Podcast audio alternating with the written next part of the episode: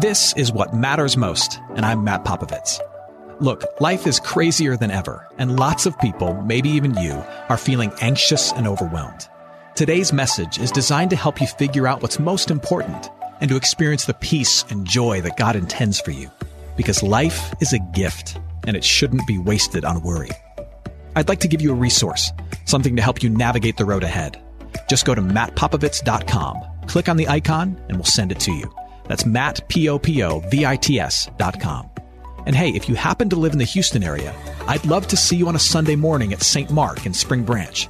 Head to stmarkhouston.org to plan your visit. Here's today's message. Thanks for listening. So, where are all my helpers at? You know who you are? You are the indispensable best friend. You are the always reliable coworker who goes the extra mile. You're the kid who, when you were growing up, your mom always referred to you as the thoughtful one. you know who you are. You're the helper. You're the one who gives. You're the one who serves. You're the one who sacrifices.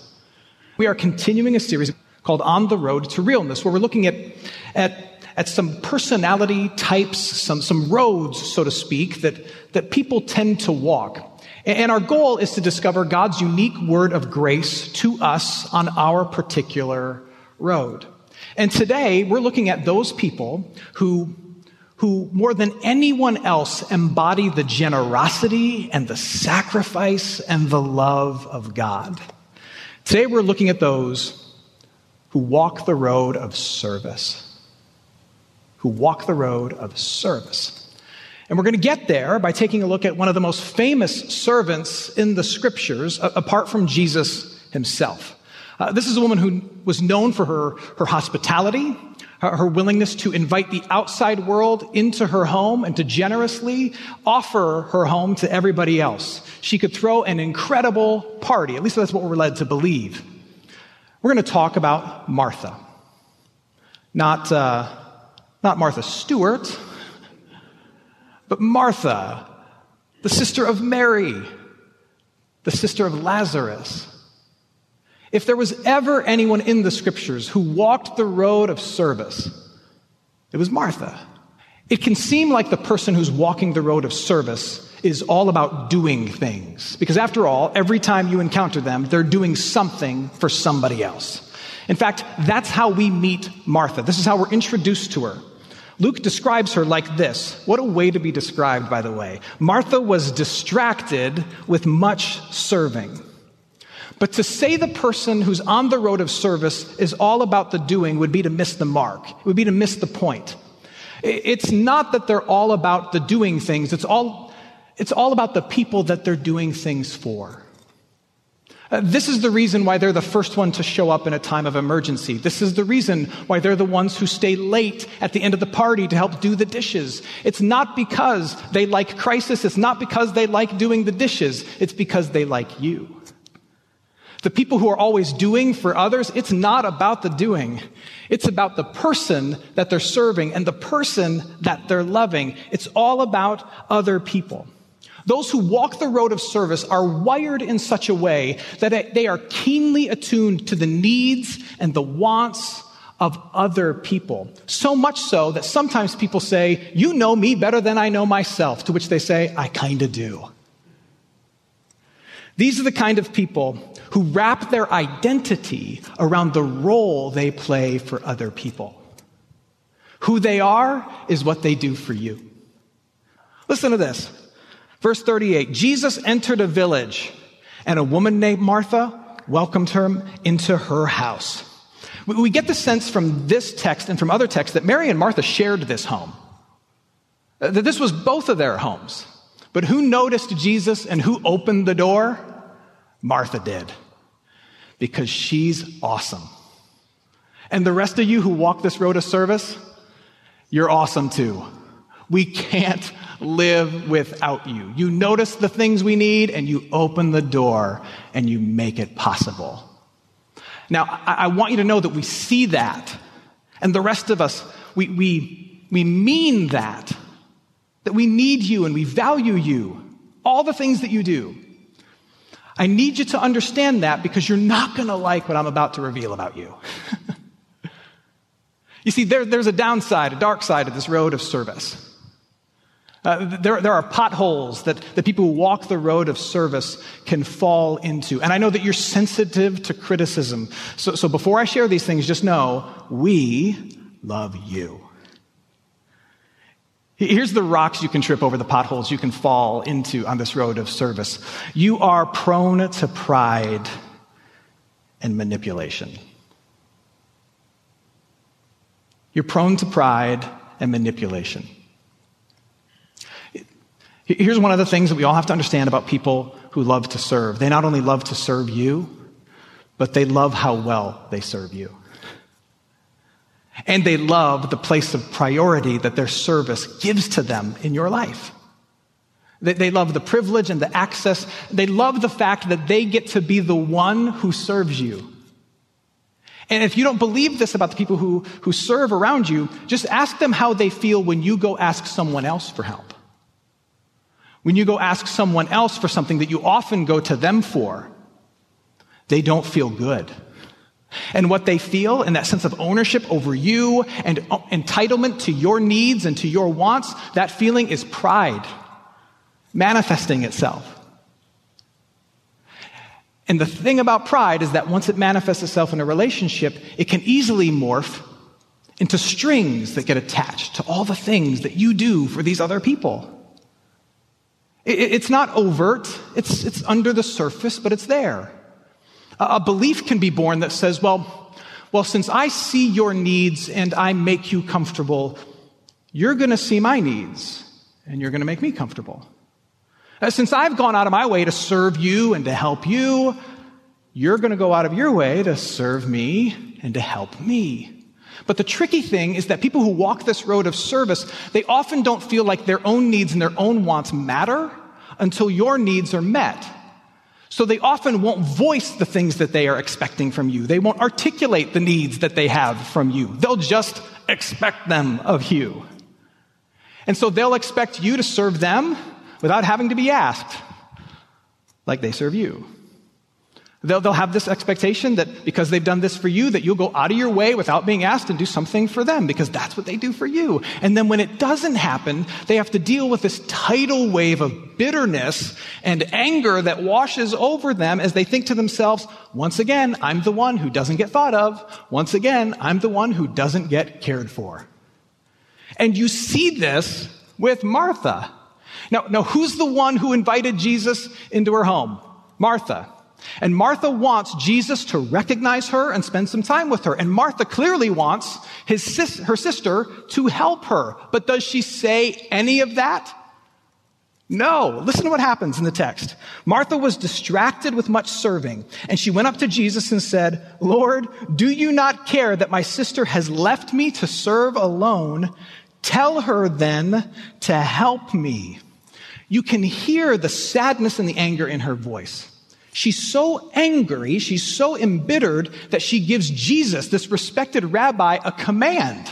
She's done serving because she's not being served. And so she looks at Jesus and you get a sense that she says, Hey, tell her, tell her, Lord, Lord, Lord, I'm talking to you. Tell her to help me like I'm helping y'all. Can you imagine giving Jesus orders? How mad, how sad, how hurt do you have to feel? Martha is the one who planned the party. Martha is the one who chose to host. Martha is the one who failed to articulate her expectations to Jesus and to her sister. And yet Martha is also the one who's holding them accountable for things she never said. That's pride. That's manipulative. Let me check in with all my helpers. You still with me? We still love you. We've all got our baggage on our own individual roads. Know that we still love you. And, and, and hold out. I've got some good news for you because listen to Jesus' response. So, so Martha's pride and her ulterior motives are exposed.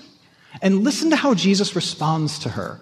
He says this Martha, Martha, you are anxious and troubled about many things, but one thing is necessary. Mary has chosen the good portion, which will not be taken away from her.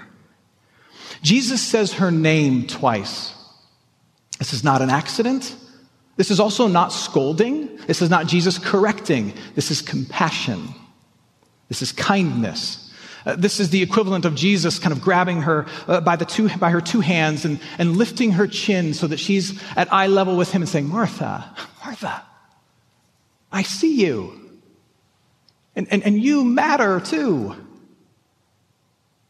Jesus is saying to Martha, Look, I didn't come here to be served by you, even though that's the only language you speak. I came here to serve others. I came here to serve even you. And Mary gets that. And so she's sitting at my feet and receiving the teaching that everyone else is. And I want you to get that as well.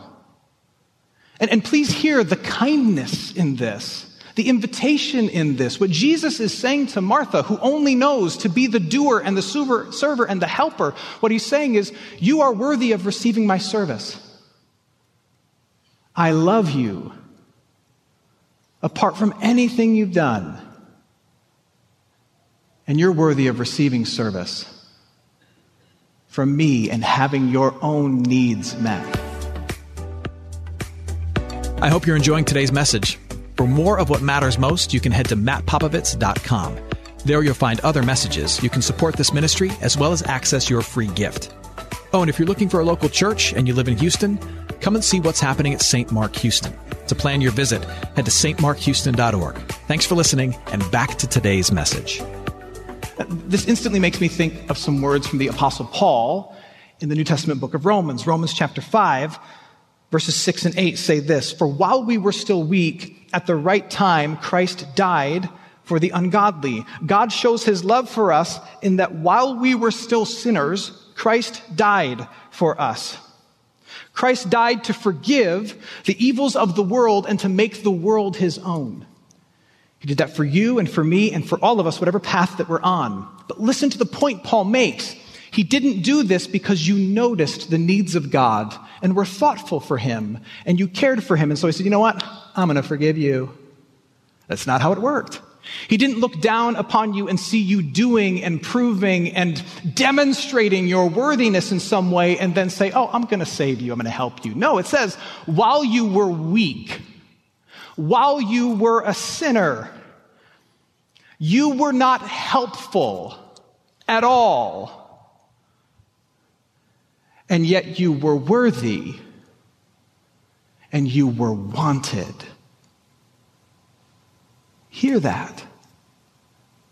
Apart from being helpful, you are worthy of love and you're wanted by the most important person there is.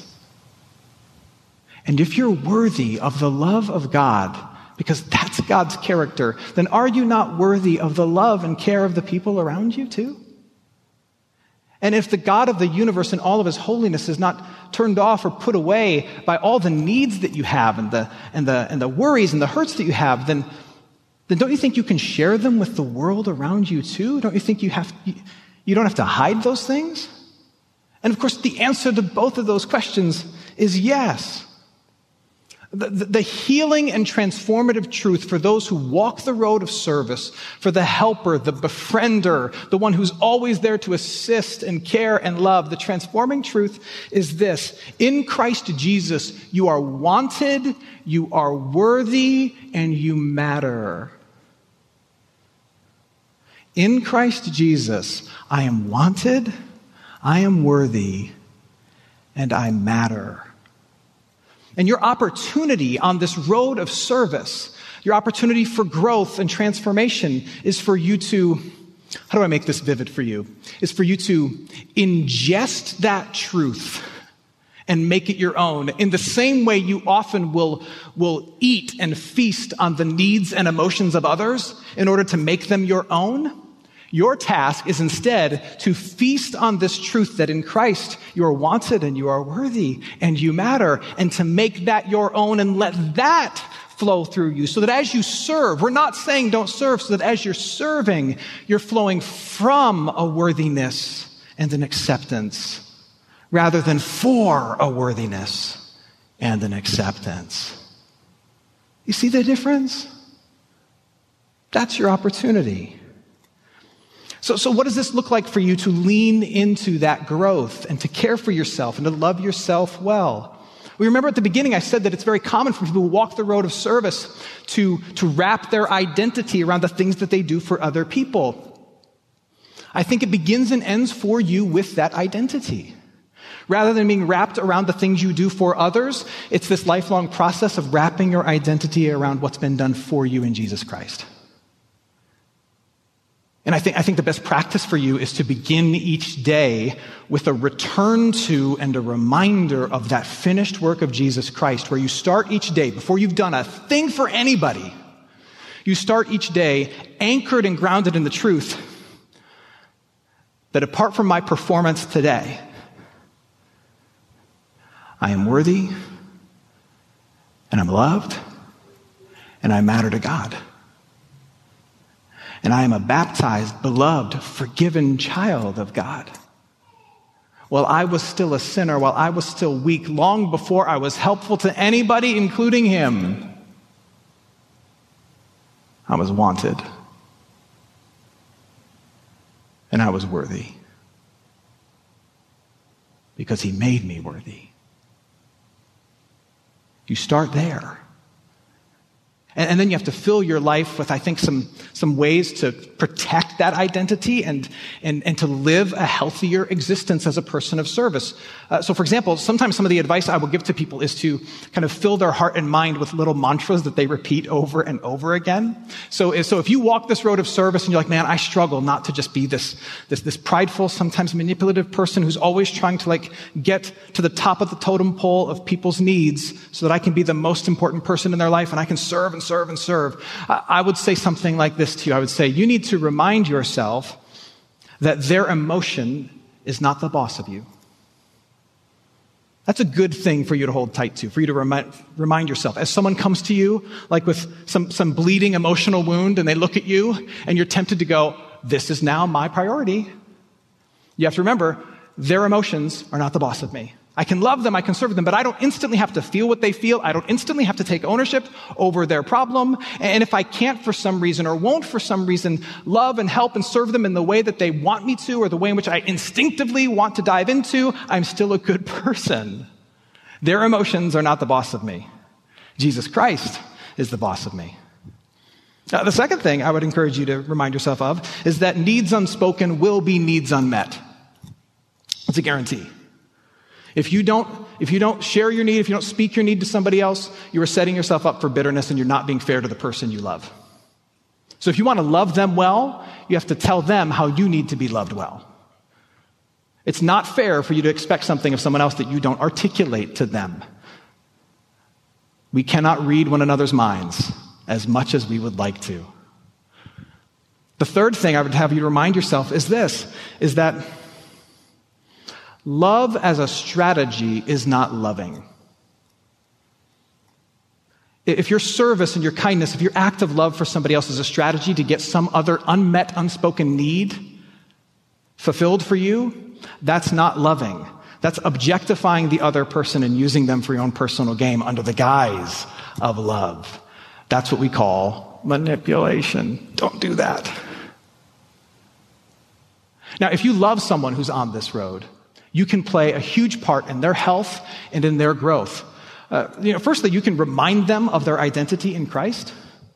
But then there are other practical things that you can do on a daily basis. Uh, first, I would say you need to be curious about what's on the inside of them. Uh, again, very often they will fail to prioritize their own needs and their own wants. Sometimes they might not even know their own needs and their own wants because they're so oriented on the kids or on you or on somebody else. And so your job is to look at them and go, what do you really want though? Is that, I mean, is that really how you feel? Like the visual with them should be like, whatever they tell me, I need to double click. I need to like expand the window and find out more. And help them understand what they want and what they need and who they are. You can be really helpful to them in that regard.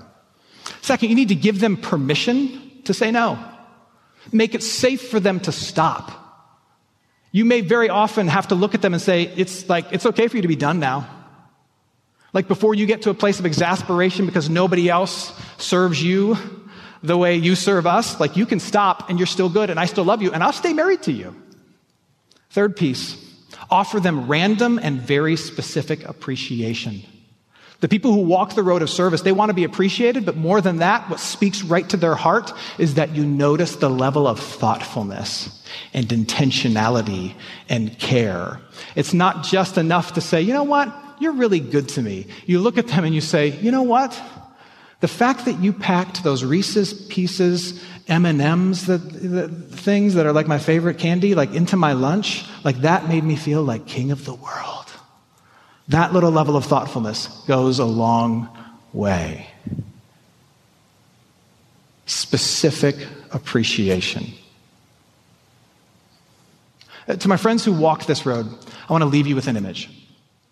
And I want you to hold to this image and, and let it be instructive for you into how you are to walk from this moment forward on this road of service.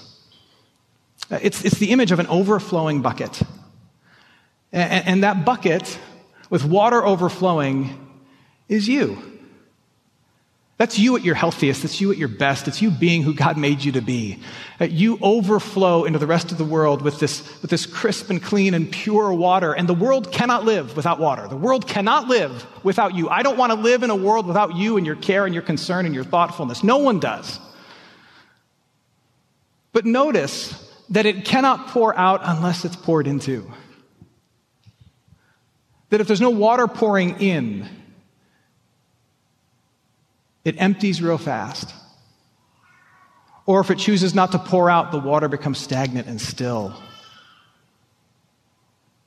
You cannot serve rightly and in a healthy way unless you're being served. You cannot give rightly and healthily unless you're receiving.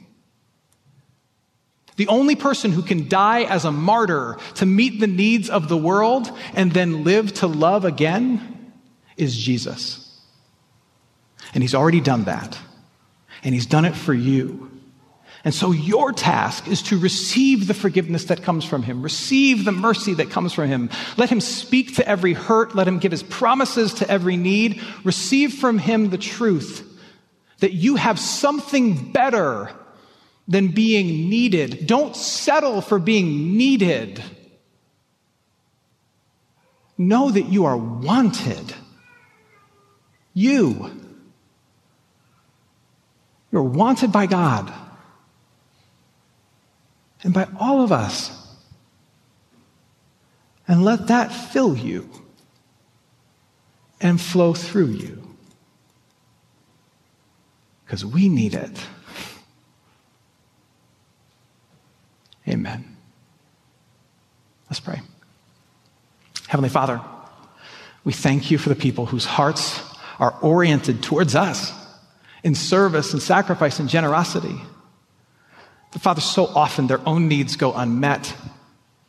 They, they, they can serve and give to a place of depletion.